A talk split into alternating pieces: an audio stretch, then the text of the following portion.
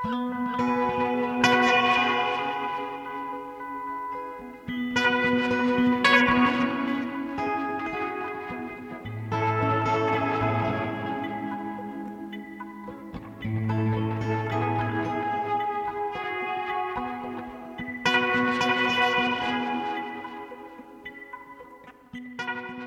og sæl, kæru hlustendur. Halla Harðardóttir og Melkorka Ólafsdóttir heilsa ykkur úr hljóðstofu Víðsjár þriðu daginn 20. og annan november. Í þætti dagsins Hestur á raungunni og landslagsarkitektur. Reynir Viljámsson, landslagsarkitekt, er fættur í Reykjavík árið 1934. Þegar hann kom heimur námi í byrjun sjötta áratugarins var Reykjavík berangusleg borg sem var í þann mynd að springa út. Borgin átti eftir að breyða úr sér en einnig verða grætni og skjólríkari. Reynir kom heim til að vinna í nýju aðalskipulagi og taka þátt í uppbyggingu nýra hverfa, árbæjar og breyðholts. En á löngumferðli hefur Reynir komið að óteljandi verkefnum. Leiksvæðum og íbúðakverfum í borginni, grænum svæðum á borfið Elliðárdalinn, Laugardalinn og Miklatún sem á snjóflóðavarnargarðin á Siglufyrði. Reynir lauti síðustu viku heiðursverlun Hönnunaveluna Íslands við hátilega aðtöfni grósku og Reynir verður gestur við sér í dag og lítur með okkur yfir farin veg. Þú færð einn þínsliðs berfættur innum rauf á skúltúr sem hefur lífræna lögun og útlitt. Augun aðlagast myrkrinu þar inni, mjúk og gró form byrtastir. Þú finnur vísbendingar um dýr og önnur fyrirbæri, loftið er þrungið kryttuðum ilmi, jörðin er mjúk og reyfanleg. Svona hljómar lýsing á innsetningu sem gestum býðst að upplifa í Hafnarhúsi og hefur titilinn Horse Inside Out eða Hestur innanverður. Við sjá skreið fram úr rúminu í morgun og fetaði síði gegnum morgunmyrkrið inn í þessa dölafullu innsetningu. Við heyrum af því í síðarluta þáttar. En við byrjum á því að fá góðan gest.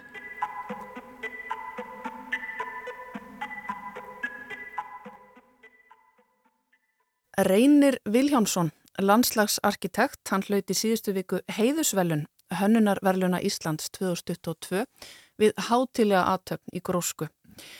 Reynir er komin, hann ætlar að vera gestur okkar í Vísjá í dag og við bjóðum hann innilega velkomin.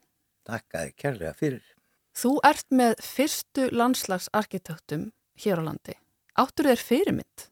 Já, það má nú segja það því að ég er á Garðvíkuskólanum á Reykjum og Jálfísi eh, 1951 til 53 mm -hmm. en 1952 kemur þángað Jón H. Björnsson sem að eh, kendur er við Alaska, gróðarstöðuna. Emmitt. Hann kemur þarna sem kennari og fyrsti, er fyrsti læriði landslagsarkitektin hérna á Íslandi. Og, og ég verð bara mjög hrifin af bæði manninum og svo fæinu og í framhaldinu af því þá var ég hans fyrsti starfsmæður á, á tegnistofu og, og, ég, og þar ég bara allt í einu bara ég blómstaraði í því fæi Opnaðist þarna bara einhver veröld? Opnaðist veröld, passar og ég var hérna í eitt árið að svo þá var ég komin bara til Danmarkur og ég ætlaði að fullnema mig í þessu fræðum og þar, var, þar er ég svo bara svo heppin að þar er skóli sem er að undibúa einmitt menn fólk til þess að fara á landbúnaðskólan til mhm, dæmis mm -hmm. og þar var skólastjóri Georg Bói sem að setna var svo profesor við landbúnaðskólan og, og það er bara stutt að saga hann er svo að ég fekk vinnu hjá honum hann bauð mér vinnu hjá sér Já, bara... og tók mér svolítið upp á sína arma Hvaða hugmyndir voru uppi um landslagsarkitektur þessum tíma í Danmörku? Hvað var svona helst verið að spá og spekulera? Það var nú kannski, hvað ég var nú að segja að verið helsta, það er nú ekki gott að, Nei, sko, svona... Þeir voru til dæmis, þetta var á árunum sem að mótaðist raunverulega skipula köpmanhafnar, þar rétt árunum þar á undan og þessum árum, mm -hmm. sem að þetta svo kallaða fingraplan, það var skallaðum að köpmanhafn sko var, var eins og, eins og, eins og, eins og hendina út og þá ertu þá byggist kaupmannhafn út í eins og fingurnir eftir fingurunum og síðan en á milli þeirra kom grænu, komu grænu geir inn úr landinu. Já. Þannig að þú sko ert með landið og, mm. og, og, og leggur hendun á landið og þá sér þau hvernig svona byggðin heldur áfram eins og fingurnir en landslægið og umhverfið gengur inn í borgina. Þannig að það þóttu á, þess, það þóttu á þessum tíma vera lífskeiði að hafa mikil grænsvæði. Já, það þótti mikil, mikil lífskeiði og það var verið að reyna sagt, að, að, að byggja umhverfi, sem sagt grænt umhverfi mm -hmm. og, og svona fjölskyldu vænt. Það er mikið verið að byggja í fjölskyldu vænt umhverfi. En það verður að líka síðast eitt Já. að á þessum tíma er sko náttúrulega bílismin ekki eins mikil. Einmitt og, og það hefur haft, hafði geysilega mikið að segja í öllu skipulagi mm -hmm. bæði með hvaða gatnakerfi og hvað baby, fjöldi bílastæða sem fylgdi mm -hmm. fólk fór í strætisvagnin sko. Það voru þetta góðar, góðar almenningssamgöngur. Já, góðar almenningssamgöngur góðar almenningssamgöngur. Og svo var það náttúrulega reyðhjólið þar. Menning sem við vorum svolítið sein að taka upp. Já, og þó maður hefði væri nú mjög duglegur og reyðhjóli hérna þegar maður sem strákur. Þá fór maður þarna og, og, og ég fekk ekki bílbróf fyrir mig að 25 ára gammal en, en fór alla mín að ferða á reyðhjóli hérna í fyrstu árin. Já, en þú sést að kemur svo heim Já. sprenglarður með mikið hugmyndum í kollinum Já, sko, þetta verður til þess að, að ég, þegar ég fór út þá var ég giftur og egnaðist eitt bann 1955 kom aðeins hérna heim. Ég var held ég þrjá mánuði. En þá var bóið búin að þá fekk ég bref frá bói eh, þú, ef þú, ég er búin að skaffa þér vinnu og teknistofu hér og þú verður að vera komin eftir hvaða tíu dag eitthvað svolítið sann sko. og ég bara greip það var komin eftir tíu daga og Já. held áfram þar og svo var ég þar á þeirri teknistofu eiginlega alla, viðlóðandi allan námstíman líka mm -hmm. og held áfram að vinna þar eiginlega rakstofuna síðustu árin sem ég var þarna á staðunum En svo einhverju tímapunkti tekur ákverðinum að koma heim til Íslands og stopna þína eigin stofu hér. Svo fæ ég bara bóð frá Íslandi aftur og þá er það Stefán Jónsson, arkitekt, sem hafi verið skólabróðu minn á, á arkitektskólanum, þó nokkuð eldri ég, en hann hafi fengið það verkefni, hann var komin heim og hafi fengið það verkefni að skipulegja í árbæðakverfi í Reykjavík mm -hmm. og vissi það að ég hafi vunnið mikið í skipulásmálum í Danmarku og kallaði mig bara mig heim til verksins og ég, ég stóðst það nú ekki og fór og kom hinga semst eiginlega gaggar til þess Ótrúlega spennandi verkefni fyrir ungan Það var mjög landslas. spennandi og Já. skemmtilegt að fara inn í svona verk sko, og, og, og vera komin heim líka því auðvitað langaði mann alltaf að vera heima Og þú fara að tækifæri til að vinna með Stefáni Jónssoni og byggja upp árbæðakverfi og bakkakverfi síðan Já. í Breiðhaldi svona áður við fyrir maður að tala um sko, svona hvaða áherslur þurftu að hafa í huga þar hvernig var að koma heim með þessa nýju hugmyndir sem landslagsarkitekt og koma til Reykjavík og sástu borgina í nýju ljósi það var auðvitað ekki eitt trefalla í bænum Nei, það tíma. er alveg satt sko. það er það sem við finnum ágætt og þú minnist á þetta af því að, af því að heimurinn var bara sko, umhverju var bara allt annað fyrir 60, 60 árun síðan það var, það var þetta algjörlega, svo til algjörlega nakta umhverfi og um, þar sem þegar að menn trúðu því ekki að það þittir neitt að vera gróðsett að tré. Það myndi taka mannsaldur að koma upp einhverjum, einhverjum frambærilegum gróðri og uh, svolítið, þetta er svolítið allt annað umhverfi sem að kemur inn í. Mm -hmm. eru mikið færri, eh, sko, það, menn, með miklu frumstæðir kannski ræktunar menning mm -hmm. öll og uh, menn kunnu bara ekki ja, vel til merka, verka og voru svona læra. Já. Og allir þessi gróður sem að borgin státar af í dag, auðvitað veitir skjól sem já, er svo mikilvægt. Já, það gerir það. Sko. Það er náttúrulega, sko, það er alveg geís, þetta er allt annar, allt annað umhverju sem við erum í dag í dag. Er það ekki eitthvað sem að landslagsarkitekt þarf alltaf að hafa í huga? Skjól? Jú, það er náttúrulega eitt af því sem er mjög alveg eitt af grundvallar aðröðum til þess að, að búa til gott umhverfi er að náttúrulega sé skjól gott og sæmilega, sæmilega svona varið fyrir veðri og vendum og, og að þið líðu vel í umhverfinu. Emmitt, talandum að líða vel í umhverfinu, skipulagi sem að þið Stefán Jónsson hönnuð í bæði í bakkakverfinu sem er eiginlega bara orðið frækt skipula, það er svo já, vel hugsað. Já. Þar eru það að hugsa um badnafjölskyldur, þeir eru að hugsa um skjól, þeir eru að hugsa um bílaumferð og hvernig hún mætir fjölskyldunum, göngufjalla, þjónustu, veslanir, það er svo margt sem að þarf að hafa í huga. Þetta er alveg hálfur rétt hjá þér. Þannig er sko að venjulegt skipulag og er kannski ennþá jafnvel í svolgum árið en var sérstaklega að, að fjölbýlishús voru gætna byggð þannig að þú komst að það var eingangslið og bílastæðislið var sama og svo þurftur að hlaupa í kringum blokkina til þess að komast út í lóðarskikan sem var sunnar við húsið. En, en, en, en allir komu beint út í bílarassana mm -hmm. og þetta var meðan þetta sem við vildum forðast og eh, gapa eh, að gefa fólki kost á að bara koma bara beint út í gott umhverfi. Einmitt, árbæðakverfið Já. Þú tekur þátt í að hanna það Já. og verður bara einna fyrstu íbúðum, ert þú ekki bara búin að búa þar stóra hluta æfinar? Jú, ég hef búin að búa þar núna í, í, sko síðan 1950 og, nei, se, uh, já, 60 og svona 7, 66, 67, mm -hmm. þá flytti ég upp í blokkir, Hörnbæinn og var, var á meðan að byggja mér hús niður við Hagrabæ og hef búið þar alla gott síðan. Akkurat. Hvað er það sem að gerir árbæinn, kannski er þetta að spurja þig sem að hanna þetta hverfi, en já. hvað er það sem að gerir þetta hverfi gott? Já, ég myndi nú segja að sko, þetta var nú svolítið erfiðar aðstæður þegar við komum þarna. Begðin til norðurs takmarkaðist af háspennulínu mm. sem lág bara með fram hrönnbænum og alveg niður að rafstöð en, og það sem róabærin líkur núna, það var söðurlandsvegurinn.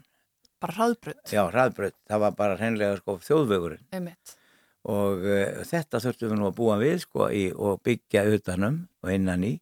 Við vissum ekki hversu lengi það var aðri hlutir sem líka voru svona það var til dæmis engin hittaveita þetta og við þurftum að búa til svona bráðabera kynningu hverju húsi og það var svona einsins svoleiðis hlutir sem voru erfiðari.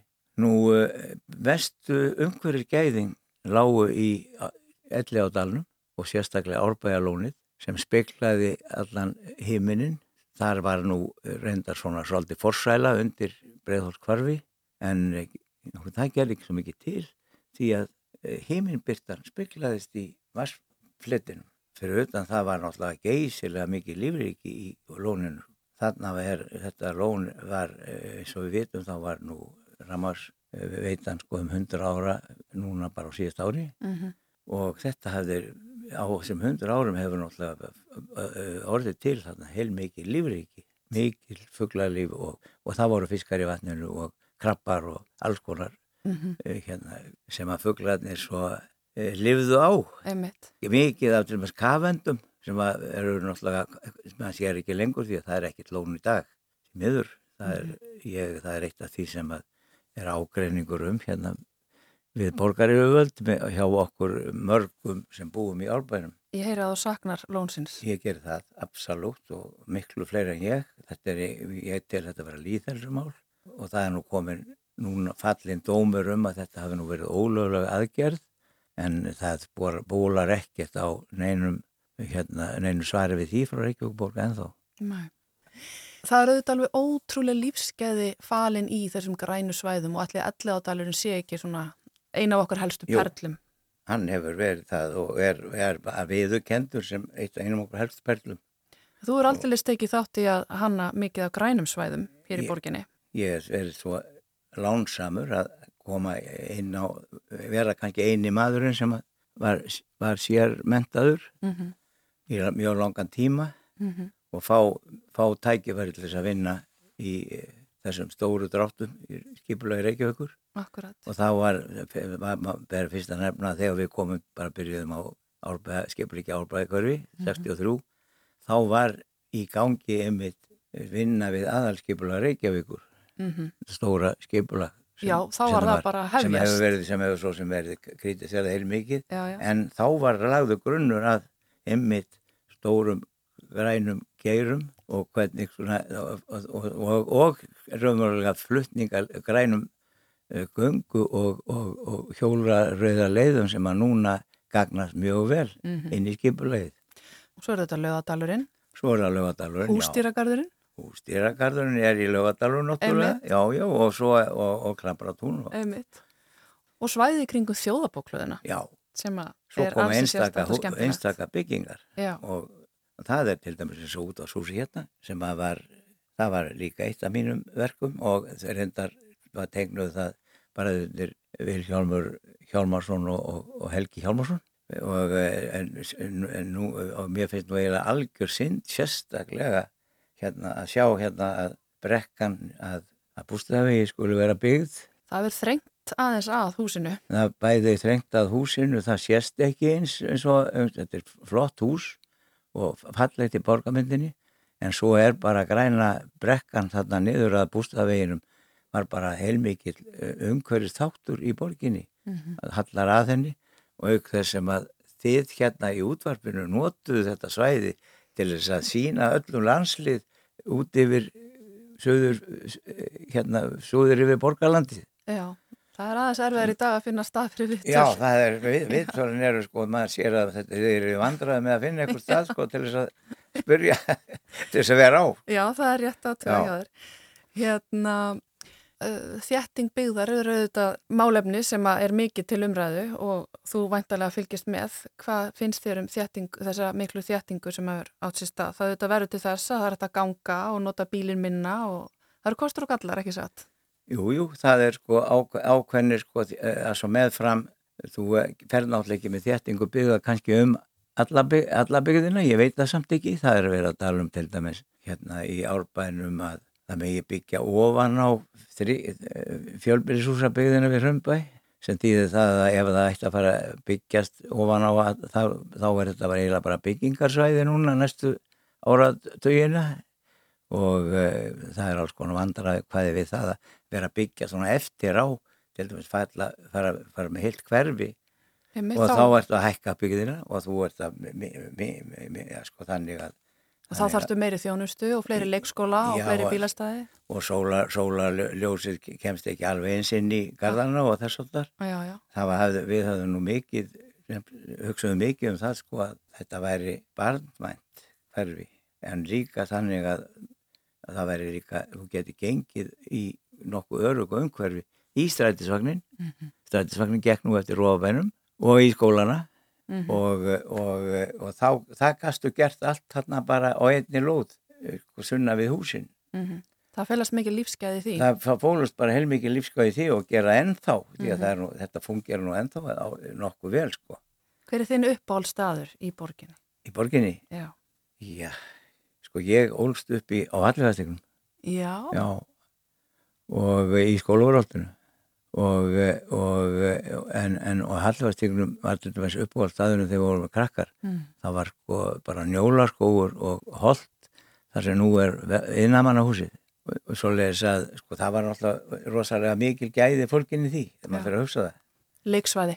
Já, þetta var leiksvæði. Sko að þú hafðir svona umhverfi sem þú gæst komið út í.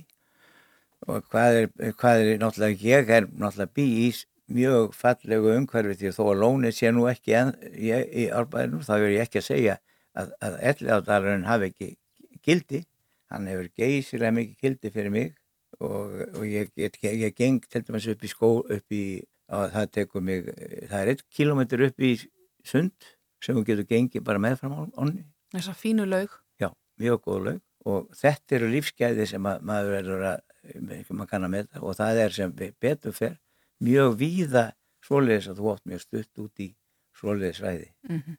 En nú er það breytast ansi mikið þetta umhverfi sko með þessum mjög þjættubegðum og það er ekki nægilega kannski mikið plást til þess að eh, búa til sko svona góð nótæf út í vistasvæði. Mm -hmm. Til dæmis úinn í árbænum og, og í breiðholtir bakkonum. Mm. Það er alltaf með sko svæði sem kemur alltaf út í sem er næst húsunum en samt kontakt við sko, sko börnin höfðu kontakt við fóreldrarnar sko upp í af því að það er ekki um að þrjár hæðir. Já, en leiðu að komum við ef það er áttahæðir eða svolir þá er ekki þessi þetta samband við, við hérna krakkanar sko. Gott að vera í kallfæri. Já, gott að vera í kallfæri. Já. og eða svona jafnvel geta séð sko. Og, og, og, og hérna það er ekkit gaman að því sko ef þú eru að pissa sko garðið að þú komist ekki upp sko. Já og það var að vera þetta að kalla bönnin í mat. Já, já. Reynir Viljámsson, landslagsarkitekt. Þetta hafði þetta verið alveg ótrúlega fjölbreyttur ferill. Eh, við erum hérna búin að nefna nokkur verk en uh, það er ekki hægt að ræða við að þess að minnast á snjóflóðavarna garðan á Siglufyrði sem eru þetta ótrúlegt uh, verk vegna þess að þetta er útíðustasvæði sem er bara órjúvanlegu hluti af allri byggðinni og þú fjagst, þú varst tilnæmdund árið hvað, 2003 til Evrópskra veluna í landslæsarkitektur og fjagst sérstakka viðkenningu fyrir þetta svæði. Já, það passar og uh, það er eitt af þessum verkum sem eru um, fjöldi manns komað. Ég er ekki einn um það að, að byggja snjóflóðvarnagarða á Sigluveri. Nei, nei. Það er, það er komað til uh, veðustofu fólk, eðlisfræðingar, verkfræðingstofur, margar mm -hmm. og, en, og, og, og þetta er gerist í mörgum áfengum. Tók 13 ár Einmitt. að byggja hérna þessar, þessar jarðverkstruktúra og uppgræslan tók 20 ár. Þetta er magnað verkefni. Já. Það lítur að vera skemmtilegt að vinna svona hugmynd í svona fjölbreyttu samstarfi. Já, þetta er mjög fjölbreytt samstarf og sem margir koma að og í mörgum holum og, og, og, og það er mörg útbúð og það er marga verklæðistofur sem koma að en það er einn, einn maður sem er með í öllum þáttónum og það er þessi hérna, eh, landslagsarkitekt svolítið, og, og með sitt fólk mm -hmm. einmitt svo leiðis að ég eh, mér þykir mjög vænt um þetta verk og fólkið allt sem kemur að því og þetta er mjög ofalið huga mér í, í dag sko. Já, þetta hefnast það vel að, að hérna, þú og þín stofa voru tilnemt til Evrópskra veluna og fenguð þér sérstakka viðkynningu fyrir Já, alveg rétt. Mér langaði til þess að, að segja, hérna, þú varst að tala um áðan um hérna þessi heiðursverlun mm -hmm. að eh, nefna það að, að sá, ég held að ég fari alveg rétt með að fyrsti arkitektin sem fekk þessi heiðursverlun var Manfred Viljánsson mm -hmm. um, stórvinnu minn og við, við, og, og við höfum gegnum fjölda ára hann, hann er nú 94 ára á þessu ári en, en hérna við erum búin að vinna saman alveg síðan ég kom heim þá hefum við unnið saman í ímsum verkum mm -hmm. meðal annars þjóðabókluðinni Akkurat af sem hún nefndir á það Já. Já. Nú steytist þið nýrætt hjá þér og þú varst að fá heiðusvelun Hvernig, hvernig líður þér? Já, ég líður bara vel Ég er mjög ánæðið með, með mitt fólk og mér finnst að ég þakka bara mjög vel bara auðmjúkur, stoltur náttúrulega. Og við veit alveg að, að, að sko, það er náttúrulega ekki óeðlilegt að það liggi einhvað eftir mann eftir öll þessi ár og eftir öll þessi tækifæri sem ég fengið. Og ég er mjög þakkláttu fyrir þau. Og það eru margi sem hafa trúað á mig. En sko ég hef ekki gert neitt einn. Það er, ég hef alltaf tíð haft mjög gott fólki kringum mig að bæða á stofunni og fyrir utan alla þessa verklæðistofur og arkitekta sem maður hefur unni með og, og bæjar stjórnir og, og félagarsamtök þetta er, semst, þetta er, þetta er fólkið mm -hmm. sem að skiptir all, með mestu máli mm -hmm. og það er fyrir fólki sem við erum að vinna og, og ef við getum gert einhvern sem stuðlar að því að þú hafið svona helbriðari samskipti og getur hrefti og mhm. stunda mm -hmm. þín áhuga mál þá er það sko náttúrulega Toppurinn Já, toppar allt, já, einmitt, toppurinn Takk að þú, þú hjálpað mér Já Já, það er auðvitað ótrúlegt að geta með sínu starfi snert við lífi fólks og haft áhrif á lífskeiði? Já, það er alveg hárið rétti á þér. En sko, þú gerir þetta bara, eins og segir sko, þú ert ekki að snerta kannski við, þú bara tekur bara þátt í þessu starfi með, þessu, með mhm. fólkinu. Mm -hmm. Fólki kemur oft með hugmyndirnar og svo ert þú bara með og, og, og, og byggir undir þær og hérna, gerir þær mögulegar. Reynir Viljánsson, takk innlega fyrir að vera gestur okkar hér í Vísjá og til hamingju með æfistarfið. Takk að þið kærlega fyrir. Gaman að vera með þér. Sumulegis, takk.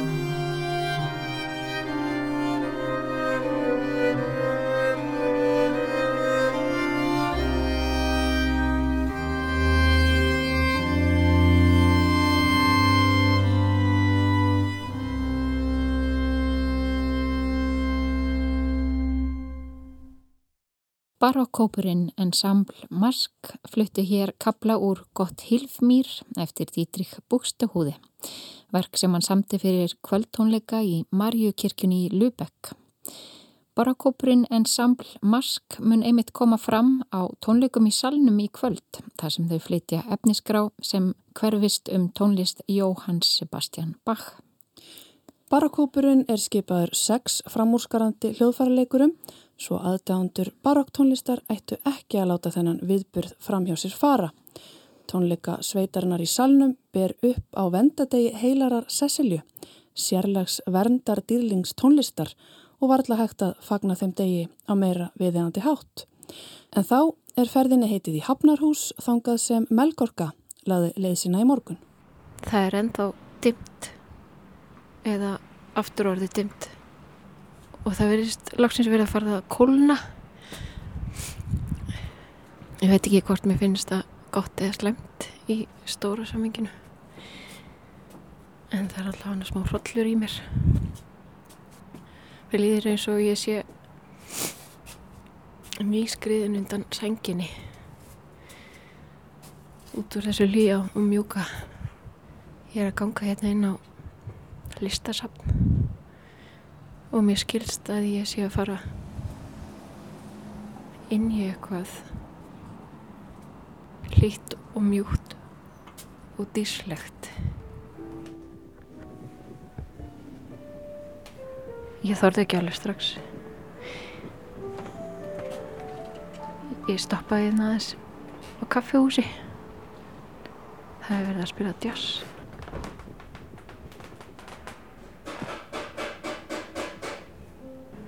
Jæja. Allir ég láti mikið hafa þetta. Horse inside out. Öfugur hestur. Eða hestur á raungunni. Ég sé bara fyrir mig senuna úr Krossi Oss. Ég er pínu smygg.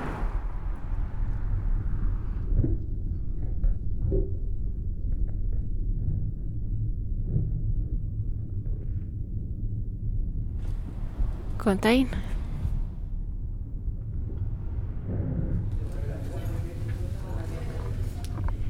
Góðan daginn. Góðan daginn. Má ég beðið um að fara úr fötunum, eh, hengja upp yfirhöfnina og setja alla lausaminni í skápin og töskuna og svo þegar þú kemur inn í herbyggið þá ferðu úr skónum og svo leiður þú þig gegnum performance.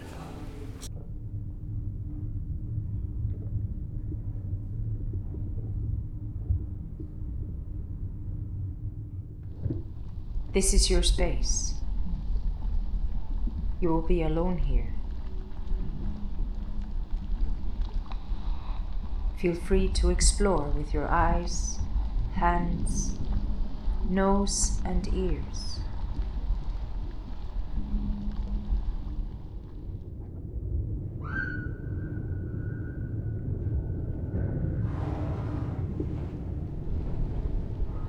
You have been captured You've been tamed. Inside you, cluttered thoughts block your movements. Listen. Listen to the untamed spots in your body.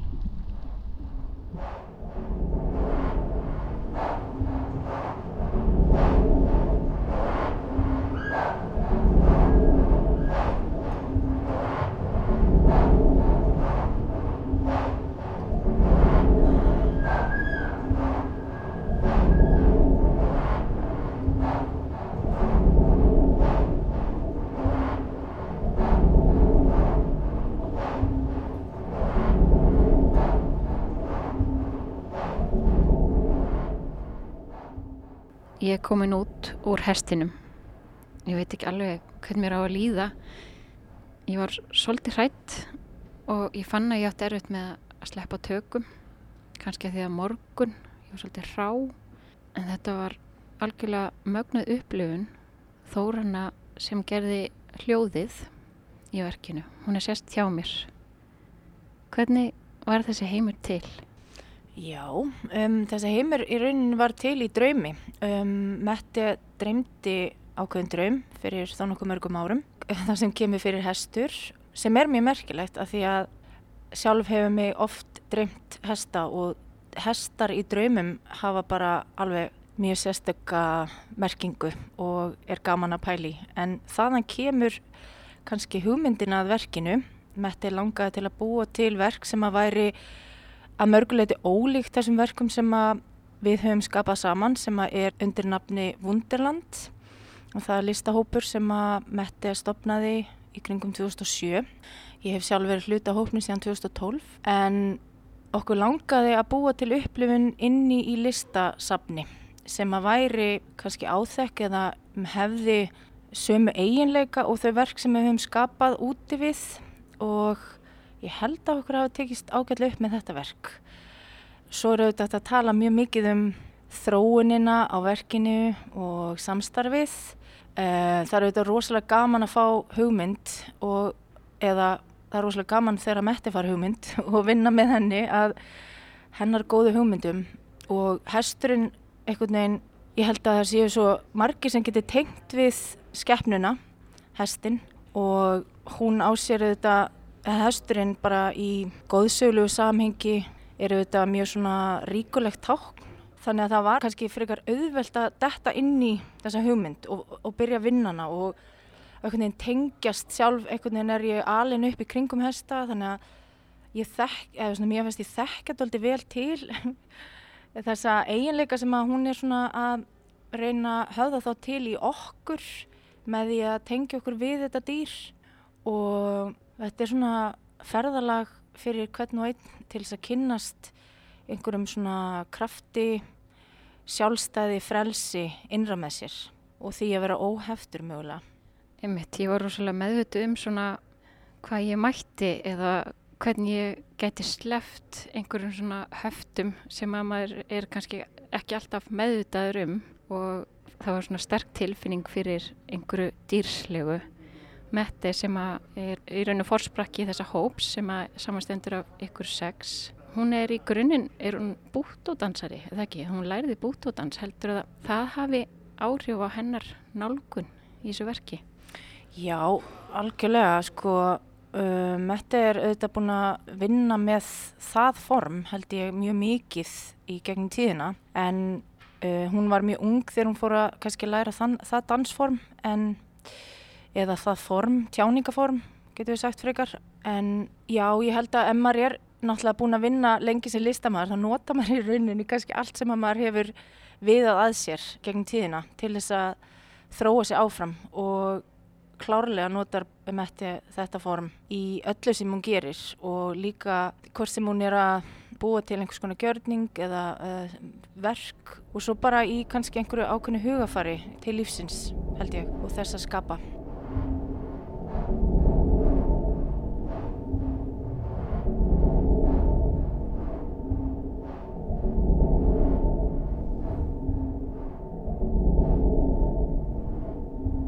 En þú sjálf, þú gerðir hljóðheiminn sem er líka mjög sterkur. Ég einhvern veginn upplifið það þetta gefur tækifæri fyrir öll skinnfærin þegar maður kemur inn í verkið. En ég fann að ég lokaði aftur og aftur augunum. Það var svona, það var svo sterkar skinnjanis í gangi. Það var svona mín viðbröð ósaragt. Hvað varst þú svona fyrst og finnst að hugsa þegar þú varst að skapa þennan hljóðheim og, og á hvað stígi kom hann í verkinu? Ég held hann hafi bara komið eiginlega strax sko. Við, þegar við fórum að tala um verki þá sko, vissum við þetta að okkur langaði að búa til eitthvað sem að væri svona umlikjandi og oft er þýðir það að þá fermar auðvitað inn í eitthvað. Og okkur langaði til að búa til einhver svona meðvitund um auðvitað þinn eigin líkamann fyrst og fremst. Að þú farir að inn og ekki sérst aðeinslega meðvitu um líkamann heldur að þú finnir kannski til hans eða kraftinn og ekki endilega sérst að skilgrennan heldur bara svona upplifir líkamann þinn inn í einhverju sem umleikur þig sem gæti verið jáfnvel líka minn á einhverju öðru. Og til þess að skapa þannig uh, heim auðvitað þá þarf maður að já, beita ákveðni kannski tæknið ákveðnum hljóðum. Og mín svona tilfinning var auðvitað bara að fara inn í jörðina svolítið. Ég fór og uh, náði mér í jarðhljóð, alls konar eða sem sagt hljóð sem er sprottin út úr jörðu. Eitthvað svona frum kraftsljóð og svo fór ég auðvitað bara tók heilmikið upp hesta og dvald inn í hestúsum og, og svona og, og þú veist það er náttúrulega ofsalega bæði magnað og, og svona bæði hvað sem er kvetjandi eða örfandi og svona róandi að vera í kringum hesta.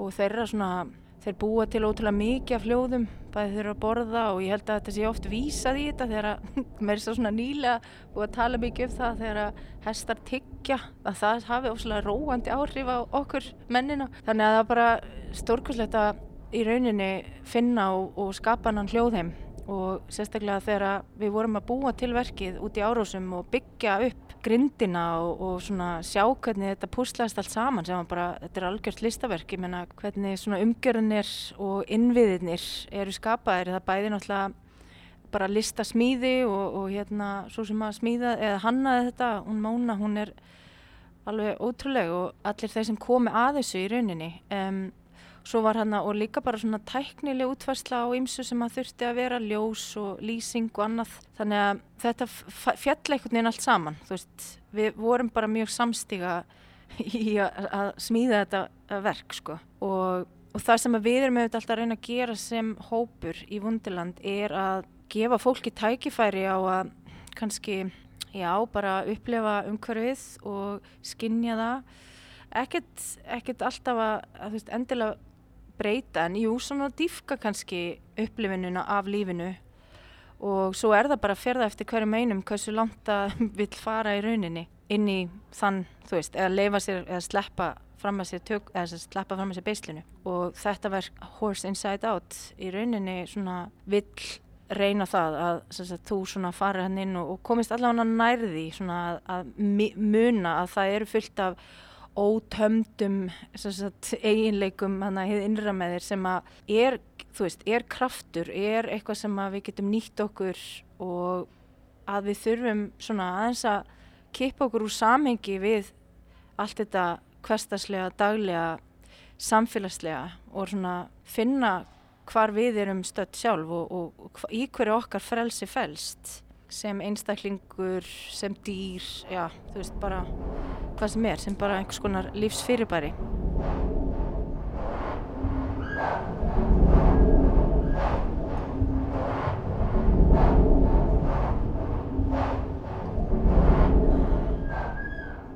Hópurinn Wunderland, þið eru staðsettar í Kaupmannhöfn og eru svona skandinaviskum uppruna maður sér fyrir sér að íslenska sálinn sé svolítið nátengt hestinum hestunum sé kannski það dýr sem við höfum verið hvað nánust, kannski fyrir utan söðkindina eða með söðkindinni heldur að það hafi áhrif á upplifun okkar Íslendinga á þessu verki? Þetta er alveg mjög góð punktur og ég ætla fyrst, fyrst að lerta við erum sem sagt Vundiland er í rauninu staðsett yfirleitt í árósum. Þar hittust við yfirleitt í upphafi alls einhvern veginn og þaðan vinnum við viða í Danmark oft. En já, hesturinn í, í íslensku samhengi er auðvitað bara, já, þetta er bara þungavíktar hérna, dýr í okkar sögu og við tengjumst þessu dýri mjög mikið held ég og við, við vorum hefðið að ræða því við, hérna, við Mette vorum með og Sonja uh, vorum með fyrirlæstur upp í Listafskóla og síðan komu nefendur, þetta var þess að Tjáni Guðbjörg er Jónisdóttur á námskeiði og síðan kom þessi hópur og, og uppliði verkið og við fórum síðan og, og út bara í hátægismat með þeim og, og rættum svona þeirra upplifin og það var allstaðar einhvern veginn svo sjálfsagt að, að, að tengjast þessu dýri. Eða veist, hver ein, hverjum og einum fannst það í rauninni bara það tengdi mjög stert allavega. Þessir einstaklingar tengdi mjög stert við hestin og ég held að flestir íslendingar gerir það já. Bæði bara svona einhvern veginn minna, við, við höfum þetta líka bara í norrætni góðafræði ég menna sleipnir er auðvitað bara þessi ótrúlega magnaði hestur þessi skeppna sem að er með til og líka svo skemmtlegt að pæli því að sko sleipnir er, er afkvæmi loka sem verður sem bregður sér líki merar. Og það er hérna svaðilfari held ég sem að er þá sæðiskjafinn og þetta úrverður sleipnir sem er auðvitað hestur óðins. Og þetta er eitthvað svona, það er þetta sem er líka svo gaman að hugsa um í tengslu við þetta verk, þetta, þetta þessi ummyndun, þessi svona umbreyting og, og já, við erum ekki öll það sem við erum séð kannski og þessi svona kynja, þessu tvíhyggja og þessi svona útilokun á því að þú sérst ekki þetta en bara þetta, veist, þetta svona, við erum doldi ofta að leika okkur með þetta líka í Wunderland. Það er kannski ákveðin huggun í því að fá bara að vera dýr, að fara inn í sinn eigin kjarna og, og sleppa við allar þessar skilgreiningar. Ég held að það bara, sannlega, ég held að það bara hjálpa okkur að einhverju leiti oft, þú veist, bara að, að sleppa kannski öllum þessum, þessum endalsu skilgreiningum okkar og svona, já, gefa hugunum smá kvild og fara bara meira inn í, ég menna, við auðvitað sleppum aldrei hugunum, það er bara þannig. En þetta eru hluti af einni samhangandi heild og, og það er kannski það sem við erum líka hugsum og mögulega uh, hjálpar þetta okkur líka svona upplifun að þú veist, horfa aðeins öðru svo heiminn en það var þetta verk líka svona, þetta er ákveður rannsóknarverkefni Horse Inside Out uh, við settum þetta fyrst upp í Aros-safninu í Árosum og þar var einmitt viðfóngsefni rannsóknarinnar að um, hvernig fólk færi síðan inn í safnið og upplifði annað sem að væri þar á bóðstólum er þessi upplifin einhvern veginn að hjálpa fólki til þess að ekki hjálpa kannski en, en svona breyta því hvernig fólk upplifir safnið og, og tekur þátt í því sem að er verið að vera fram þar.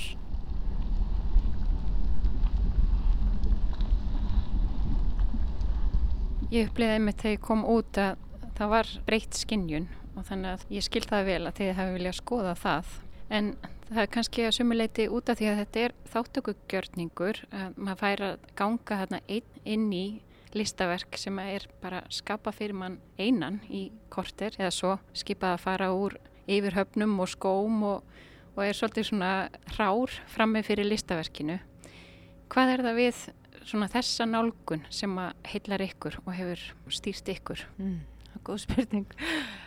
Ég held að það sem að heillar okkur í þessu eru þetta bara kannski frelsið sem fælst í því að bæði reyna að upplifa þetta og veist, í gegnum það að skapa þetta og að mögulega höfða til fólks á einhvern annan hátt. Svo er þetta samstarfið, þú veist, samstarfið er alveg gulls ígildi í þessu og já, ég, ég kannski kann ekkert útskjörða betur en það eru þetta bara, veist, þessi, þessi áhuga á því að, að hvernig við skinnjum heiminn sem eru þetta bara það sem er sammert listamennum yfir höfuð en þetta er kannski aðeins annað, þetta er meira svona hvernig við snertum á og, og svona samsumum okkur ykkur veginn í stað og stund. En þið hafið öðruvísi aðgang að þeim sem stýgur inn og, og vil skoða eða upplifa listaverk þegar hann eða hún eða hán stendur einn frammi fyrir listaverkinu og svona eiginlega neyðist til þess að taka þáttið í, þá hafið öðruvísi vald.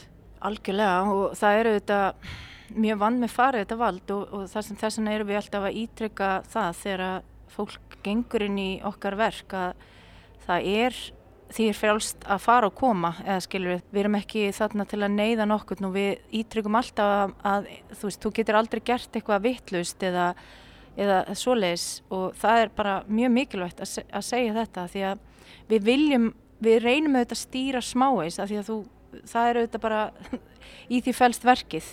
En við viljum líka gefa fólki ákveð frelsi og fólk á oft erfitt með þetta frelsi þess vegna er mjög mikilvægt að segja við fólk að, að það get ekki gert eitthvað vittlaust og þannig að það finnir svona öryggið í því. Og það er oft það sem fólk segir líka að það finnir til öryggis bara með þessum einföldu orðum. Remember you can do nothing wrong. Og kannski það sem að Ég ætlaði líka að segja var, við erum auðvitað líka að reyna að höfða til sko þessa saklusa og þessa hættulega innra með okkur. Og þar likur galdrin kannski að þetta er aldrei of þægilegt eða of hættulegt, þetta er eitthvað að mitt að milli og þar, þar likur galdrin að finna þann miðipunkt sko. Já, ég upplýði mitt svo mikla hugreistingu í því að, að heyra reglulega að þú getur ekki gert neitt ránt en á sama tíma þá gerði það mér líka mjög meðvitað um hvað við erum mikið alltaf að vanda okkur að gera allt rétt. Og það var svona ákveðin léttir sem fylgdi þessari setningu ekki bara það að mega sleppa sér tökum heldur bara að finna að það væri allt í lægi að vera eins og maður er er það kannski líka mikið væg skilubóð inn í þessu öllu? Já, ég ég held það og fyrir mann sjálfan bara, ég meina það er bara maður er alltaf að reyna að vanda sér svo mikið og bara það að koma í þetta viðtal var alveg, þú veist þá var maður að hugsa, byrju, ég má ekki segja neitt vitlaust en auðvitað er það ekkit óeðlilegt með að við svona hvernig við erum alinu upp og all þessi formfesta sem við búum við. En já, klárlega erum við að reyna að höfða til þess og að sleppa af sér fram að sér beislinu, getur við sagt. Og það sérstaklega vel við í þessu með Horse Inside Out. Og það segir einmitt, já, ég ætla ekki að fara nánar út í það en, en það er klárlega hluti af okkar markmiði. Að fólk finni til þessa svona leikleði og svona já, óbeistlaðrar ekkert, jú, kannski einhverju leita hamslusar orku Segðu mér aðeins meira frá Wunderland, þessum hópi og, og svona ykkar verkefnum. Þú hefur starfað með þeim frá 2012. Er þessi síning að fara víðar? Það er bara einn dagur eftir fyrir það sem að vilja upplifa þetta stórkoslega listaverk. En hvað tekur við? Já, um, sko jú, við erum búin að starfa lengi saman og, og þetta er því miður að morgun síðasti síningadagur eða upplifunadagurinn á verkinu en Ég veit ekki, það getur vel verið að þetta verði, að því þetta er náttúrulega þannig verk að það er hægt að senda það á milli og milli staða, frekar auðveldlega.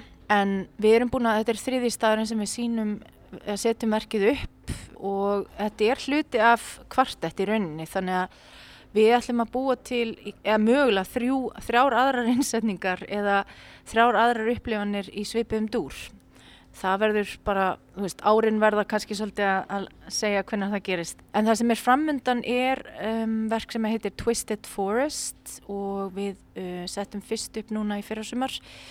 Það er líka þetta upplifunaverk en ólíkt að því leiti að í þessu verki þá ferðastu í gegnum verkið í hóp eða hópi og við erum svolítið að stílinn á þetta með þess að hvernig fólk vinnur saman sem ekki þekkist og hvernig það getur farið í gegnum einhverja reysu, tvekja klukktíma reysu inn, í, inn á óþægt landslag. Þetta gerist inn í skógi eða á skóarsvæðum og þetta er það sem er framöndan. Við erum að fara að setja þetta upp í Góðlandi og Samsö og á Íslandi í ágúst á næsta ári og verður auðvitað auglist síðar. Takk innilega fyrir spjallið Þóruna þakka þér fyrir að upplefa verkið og, og fara með okkur í gegnum þetta.